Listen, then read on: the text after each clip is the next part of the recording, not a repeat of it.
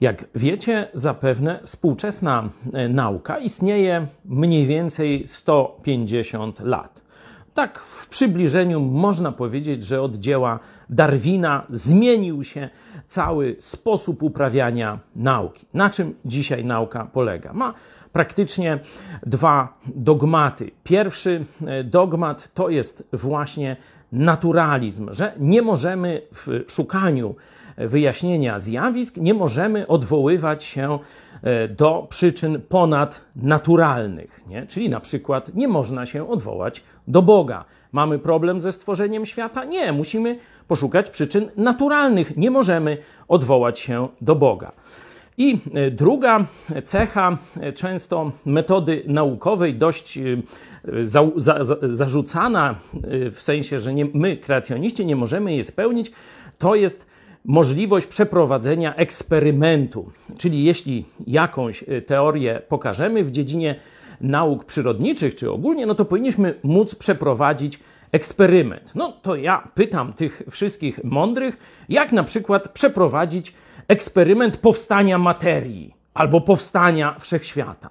To są wydarzenia, które raz wydarzyły się w historii i nie możemy ich powtórzyć w laboratorium. Możemy jakieś elementy próbować i tak dalej, ale tego, co się stało, nie damy rady.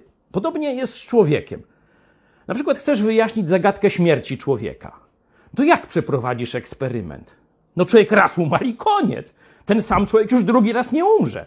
A inny, no to już jest inny człowiek, inne e, warunki brzegowe i tak dalej, i tak dalej. To nie jest śmierć tego samego człowieka. I tu pewne światło na braki metody naukowej daje nam list do Koryntian właśnie.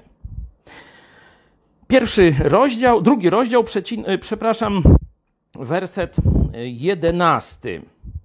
Bo któż z ludzi wie, kim jest człowiek, prócz ducha ludzkiego?